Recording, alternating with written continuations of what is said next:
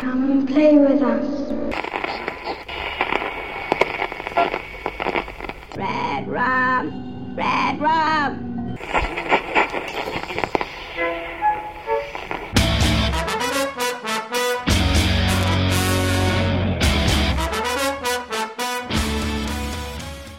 Witam serdecznie w odcinku otwierającym czwartą dziesiątkę podcastu Radio SK, a jednocześnie w szóstym miesięcznym podsumowaniu newsów i wydarzeń kingowych i około kingowych. Zaczynamy standardowo od tematu książek, a książki w ubiegłym, ale też i w obecnym miesiącu zdominowane były i będą jednym tytułem nową powieścią Dallas 63. Premiera książki, zarówno światowa, jak i polska, już w nadchodzący wtorek, 8 listopada.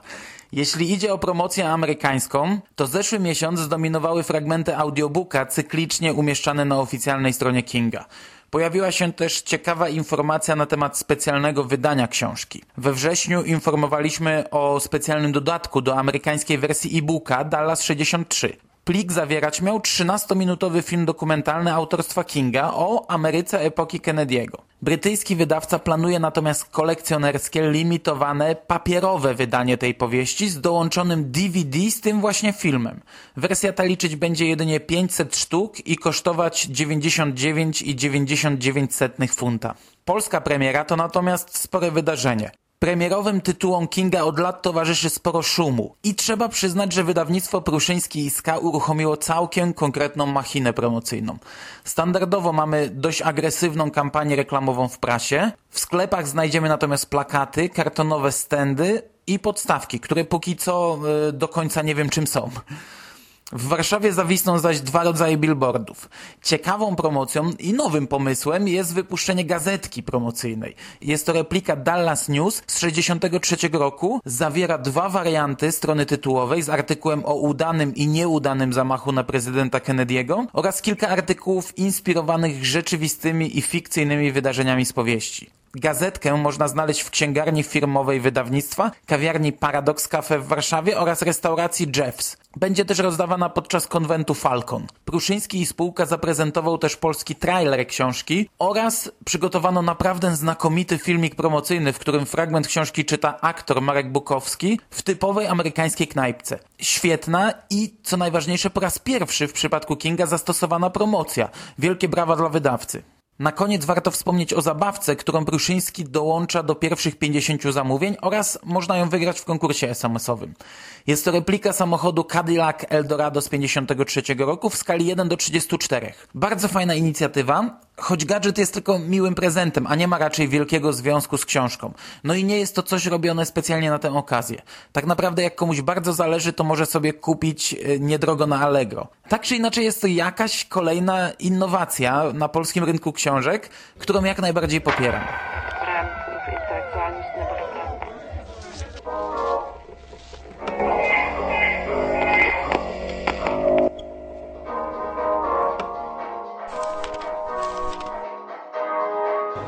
Zapraszam do podróży w czasie ze Stephenem Kingiem. Książka Dallas 63 od 8 listopada w księgarniach. Przeczytajcie koniecznie Marek Bukowski. W ubiegłym tygodniu w sklepach dość niespodziewanie pojawiły się wznowienia dwóch najgrubszych powieści Kinga, To i Bastionu. Mówię niespodziewanie, bo Albatros błyskawicznie uwinął się od zapowiedzi do sfinalizowania i dla odmiany, jak obiecał, tak zrobił. Książki ukazały się w tej samej serii, co wcześniej Czarna Bezgwiezdna Noc i trzeba przyznać, że grzbietowo jest to na chwilę obecną chyba najładniejsza seria wydawnicza Stephena Kinga. Choć to oczywiście rzecz gustu i dokładnie to samo jest z grafikami okładkowymi. Mnie one nie powalają, ale są ludzie, którym się podobają. Ja natomiast cieszę się, że te dwie książki, a trzeba zaznaczyć, że bardzo dużo czytelników Kinga uważa je za dwa najlepsze jego dokonania, doczekały się po raz pierwszy takiego wydania, na jakie zasługują. Jest to dość spory wydatek, bo okładkowa cena to średnio 53 zł za sztukę, ale pamiętajmy, że obecnie zwyczajnie nie kupuje się książek w okładkowej cenie. Promocji jest całe mnóstwo, a są to prawdziwe cegły, które nigdy nie należały do tanich. Tym, którzy się nie orientują, wyjaśniam, że obie książki objętościowo znacznie przekraczają tysiąc stron. Skoro jesteśmy przy Albatrosie, to nie ma miesiąca, bym nie pogadał sobie o Mrocznej Wieży.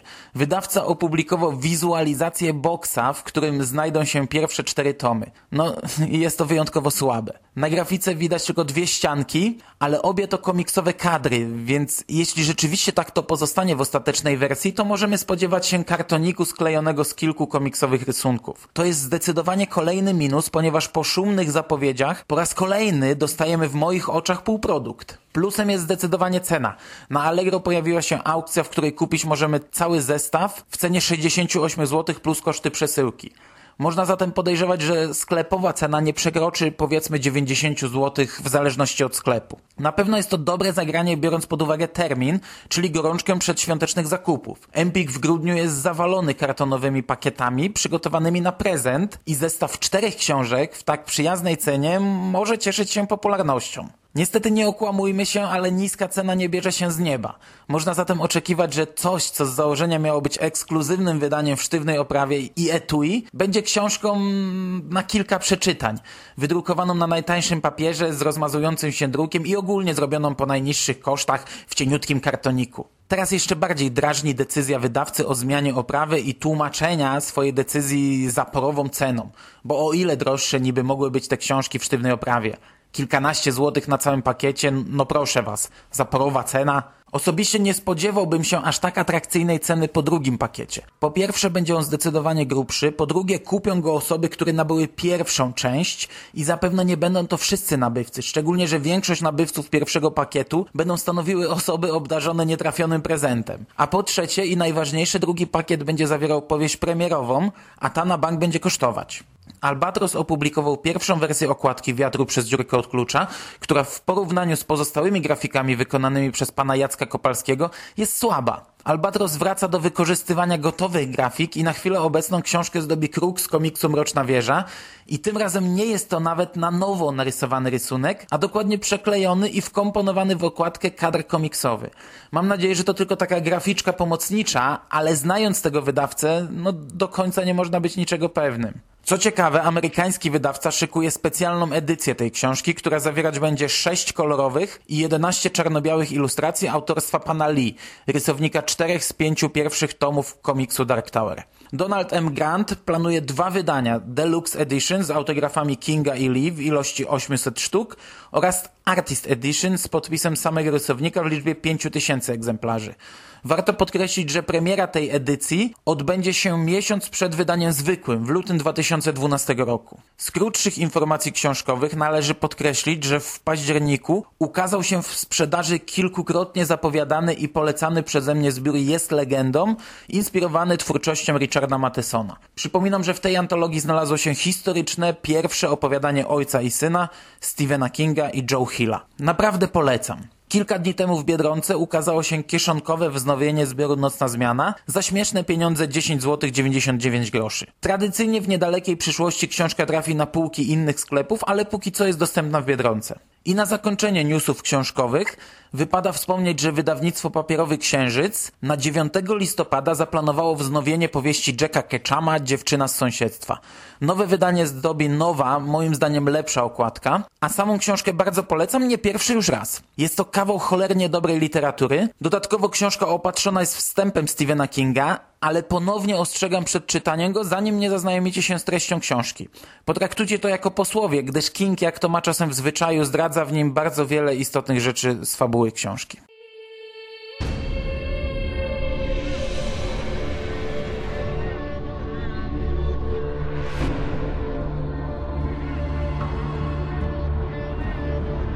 Zawsze. W każdy piątek. Co tydzień. Bez żadnej obsuwy. Zawsze o dziewiątej. Nadchodzi ten moment. Kapo, kapo, kapo, kapo. Komiksy. Kultura masowa. Konstancin. Piwo. Radosne pieprzenie. W każdy piątek. O godzinie dziewiątej. Szukaj nowego odcinka. W tym momencie przechodzimy do komiksów, a w temacie komiksów wydarzyło się trochę w minionym miesiącu. W lutym ukaże się komiksowa adaptacja opowiadania Gaz do dechy autorstwa Stephena Kinga i Joe Hilla, pochodzącego ze zbioru Jest legendą, o którym przed chwilą mówiłem. Cała opowieść zamknie się w dwóch zeszytach. W kwietniu natomiast ukaże się adaptacja opowiadania Duel Richarda Mathesona, która również będzie liczyć dwa zeszyty. Całość stanowić ma projekt o nazwie Road Rage, przy czym warto wspomnieć, że pod tym samym tytułem ukazała się również wersja audio tych dwóch tekstów. Za scenariusz odpowiedzialny będzie Chris Ryall, redaktor m.in. serii Lock and Key Joe Hilla. Rysunki do adaptacji tekstu Kingów stworzy Nelson Daniel, pracujący obecnie przy komiksie The Cape Hilla. W Polsce natomiast jego pracę mogliśmy oglądać przed rokiem w komiksie o obcym, wydanym przez Egmont w kioskowej serii komiksowe hity. Opowiadanie Matesona zilustruje natomiast Rafa Gares. Zeszyty przedstawiające gaz do dechy wyjdą również w specjalnej wersji z okładkami Tonego Harrisa. Na poszczególnych numerach będą pokazani King i Hill odbywający podróż na motocyklach. Jedna z takich okładek, a dokładniej jej szkic, pojawił się już w internecie i wygląda to po prostu kapitalnie. Przedstawia ona bardzo realistyczny rysunek Kinga dosiadającego motocykl i Hilla stojącego obok. To jest naprawdę cudo, które muszę mieć w swojej kolekcji, choć nie orientuję się jeszcze w jakim nakładzie będzie to wydane, a co za tym idzie, jaka będzie cena tych wariantów. Hill od razu skomentował tę adaptację mówiąc Gaz do dechy jest historią proszącą się o wizualne przedstawienie. Mamy motory, cholernych gnojków oraz dużo wybuchającego i miażdżącego drogiego żelastwa. Kogo to nie rajcuje? Nie mogę się doczekać, aż wydawca zasiądzie za kółkiem i nie wprawi tego w ruch. King natomiast wypowiedział się w następujący sposób. Praca ze świetnym Joe Hillem, a mogę tak powiedzieć, bo to mój dzieciak, nad tak dającą czadu opowieścią była niesamowitą przyjemnością. A ta wersja wynosi to całkowicie na nowy poziom. Wsiadajcie i zwiększajcie obroty. Wraz z pierwszym zeszytem komiksu Road Rage fani dostaną ciekawy dodatek. Będzie to taki tymczasowy tatuaż z logiem gangu motocyklowego Plemię. Kilka dni po wypłynięciu tej informacji, jeden z komiksowych serwisów internetowych przeprowadził rozmowę z Joe Hillem, który powiedział, e, że to on dostał propozycję napisania opowiadania do antologii w hołdzie Richardowi Mathesonowi ale jako, że zarówno on, jak i Stephen King są fanami filmów Spielberga, w tym pojedynku na szosie, który 30 lat temu oglądali wielokrotnie, dla Joe Hilla naturalnym było zaproponowanie swojemu ojcu wspólnego napisania opowiadania. Film na podstawie opowiadania Matesona był dla nich obu czymś szczególnym. Wiele lat temu podczas jednej ze wspólnych podróży samochodem urządzili sobie zabawę na wymyślanie, co byś zrobił, gdyby ciężarówka z pojedynku na szosie zaczęła nas gonić. I to właśnie tamte pomysły stały się bazą tekstu Gaz do dechy. Pomysł na zaadaptowanie Gazu do dechy na potrzeby komiksu także wyszedł od Hilla, który uznał, że zarówno film, jak i opowiadanie Matesona i Kingów jest niezwykle wizualne. W minionym miesiącu ukazały się też zapowiedzi dwóch stałych serii komiksowych Kinga, przy czym jest to już ostatnia zapowiedź zeszytowa Bastionu i teraz przyjdzie nam czekać tylko na jakieś wieści o ewentualnym omnibusie. Szósty zeszyt The Night Has Come zdobi, no dziwna okładka, przedstawiająca łóżeczko dla dzieci, ale też fajnie symbolizująca nowy początek, którym jest zamknięcie tej opowieści. Ja przyznam, że gdzieś w połowie całej serii, czyli już dość dawno temu, przestałem na bieżąco czytać ten komiks. I pewnie będę tego żałował, bo powoli kończy się jeden z dwóch kilkuletnich seriali, które już zakorzeniły się w życiu fanów. Co miesiąc śledziliśmy kolejne zapowiedzi i dostawaliśmy fragment tej historii, no i na pewno będzie mi tego brakować, choć nigdy nie byłem jakimś ogromnym fanem Bastionu. Na chwilę obecną z dłuższych projektów zostanie nam tylko Mroczna Wieża, której losy akurat nie są jasne. Bo tak naprawdę serię można zakończyć w zasadzie w każdym punkcie, ale też można przeciągać ją w nieskończoność. W październiku poznaliśmy okładkę drugiego zeszytu The Way Station, która także jest dziwna. Przedstawia m.in. postać Jake'a Chambersa i jest to pierwszy raz, gdy w komiksie zobrazowano tego książkowego bohatera, no i jak na razie wygląda on bardzo słabo. Ta seria jeszcze nie ukazała się w sprzedaży, ale po dwóch zaprezentowanych okładkach zaczynam obawiać się, że tendencja wzrostowa, jeśli chodzi o rysowników wieży, no może zostać zatrzymana. Na tym kończymy z komiksami i przechodzimy do filmów. Sklepik z horrorami podcast dotyczy kina klasy B. Rozmawiamy o wszystkim, co nas interesuje i inspiruje. Bez względu na to, czy jest to towar zupełnie świeży, czy już wydarzany. A temat filmów także zdominowany został jedną produkcją. Wreszcie ruszyła konkretna machina promocyjna miniserialu Worek Kości. Premiera telewizyjna będzie miała miejsce 11 i 12 grudnia na kanale A&E. Na oficjalnej stronie Stephena Kinga ukazał się pierwszy materiał z planu, uruchomiono oficjalną stronę miniserialu, na której można obejrzeć bardzo interesujący teaser. Serwis Kinga natomiast zalał nas różnymi wariacjami na temat plakatu filmu, no i trzeba przyznać, że wreszcie są to naprawdę zadowalające materiały, a całe przedsięwzięcie zapowiada się bardzo ciekawie. Najwyższy zatem czas sięgnąć po książkę i ponownie przypomnieć sobie tę pozycję, a ci, którzy dotąd nie zapoznali się jeszcze z workiem, mają wyjątkową okazję, by przeżyć jedną z lepszych przygód opisanych przez Kinga. Od jakiegoś czasu mówiło się o planach studia Warner Bros. na ekranizację powieści Bastion. W sierpniu świat obiegła informacja, że to David Yates, reżyser czterech ostatnich filmów o Harry Potterze, finalizuje ze studiem umowę na ten film. Od tego czasu w temacie zapadła cisza, a w minionym miesiącu zupełnie niespodziewanie serwisy filmowe podały, że reżyserem nowej wersji Bastionu został Ben Affleck. Nie wiadomo zatem, czy Steve Close, scenarzysta filmów o Harry Potterze, nadal będzie odpowiedzialny za przeniesienie prozy Kinga na scenariusz. Ciekawą informacją jest fakt, że starania o powstanie ekranizacji Mrocznej Wieży wciąż trwają i ciągle dostajemy jakieś no pseudo-konkrety. Brian Grazer, producent filmu, powiedział ostatnio, że udało im się zmniejszyć budżet produkcji o około 40-50 milionów dolarów. Grazer mówi, że dokonali tego zmieniając zakończenie filmu na lepsze niż dotychczasowe. Przy czym pamiętajmy, że w chwili obecnej mówi się tylko o pierwszym filmie. Gdy za projekt odpowiadał Universal, to miało być gigantyczne przedsięwzięcie niczym Władca Pierścieni, kiedy to od razu stworzono by trzy filmy. W tej chwili nawet jeśli uda się zdobyć fundusze, to mówi się tylko o pierwszym filmie, a kolejne części póki co nie są brane pod uwagę, a pojawiłyby się tylko w przypadku sukcesu finansowego. Nie mówimy tutaj zatem o zmianie zakończenia całej sagi, a o innym finale pierwszego filmu, więc to nawet nie musi być zmiana w stosunku do pierwowzoru literackiego, a zwyczajnie w innym punkcie planują urwać tę opowieść niż pierwotnie zakładano. Podobno zakończenie produkcji, która początkowo miała kosztować 140 milionów dolarów, nie było tak satysfakcjonujące jak obecne, ale też nie spodziewam się, by ktoś z twórców mówił nagle, że obecna wersja będzie słabsza od pierwotnie planowanej. Ja nadal bardzo chcę ten film, nawet z obniżonym budżetem, który moim zdaniem jednak tak znacząco nie wpłynie na tę produkcję. Ale nie bardzo wierzę, by doszło do jego nakręcenia. Choć cieszy fakt, że twórcy nadal nie odkładają broni, a Grazer kończy swoją wypowiedź, oznajmiając, że ten film zostanie nakręcony. Kilka dni później ten sam człowiek ujawnił, że seriale łączące filmy kinowe najprawdopodobniej będą emitowane w stacji HBO, co nie okłamujmy się, byłoby marzeniem i najlepszym, co mogłoby się przytrafić temu projektowi. Inna sprawa, że to nadal nic pewnego, a zresztą sprawa serialu to póki co bardzo daleka przyszłość. Nawet gdy był to projekt sprecyzowany, to premiera pierwszego filmu miała się odbyć w maju 2013 roku, czyli pierwszy sezon serialu trafiłby na ekrany najszybciej na przełomie 2013 i 2014. Teraz nie ma żadnych planów, więc projekt przesuwa się w nieokreśloną przyszłość. A jak już jestem przy telewizji, to serial Haven dostał zielone światło na produkcję trzeciego sezonu. Właściciele stacji Sci-Fi są bardzo zadowoleni z wyników dotychczasowej oglądalności. Drugi sezon oglądało w USA 2,5 miliona osób. Sezon trzeci ponownie będzie miał 13 epizodów. W Polsce natomiast rozpoczęła się emisja drugiego sezonu. Co ciekawe, w grudniu będzie można obejrzeć specjalny świąteczny epizod tego serialu, ale o tym więcej w swoim czasie.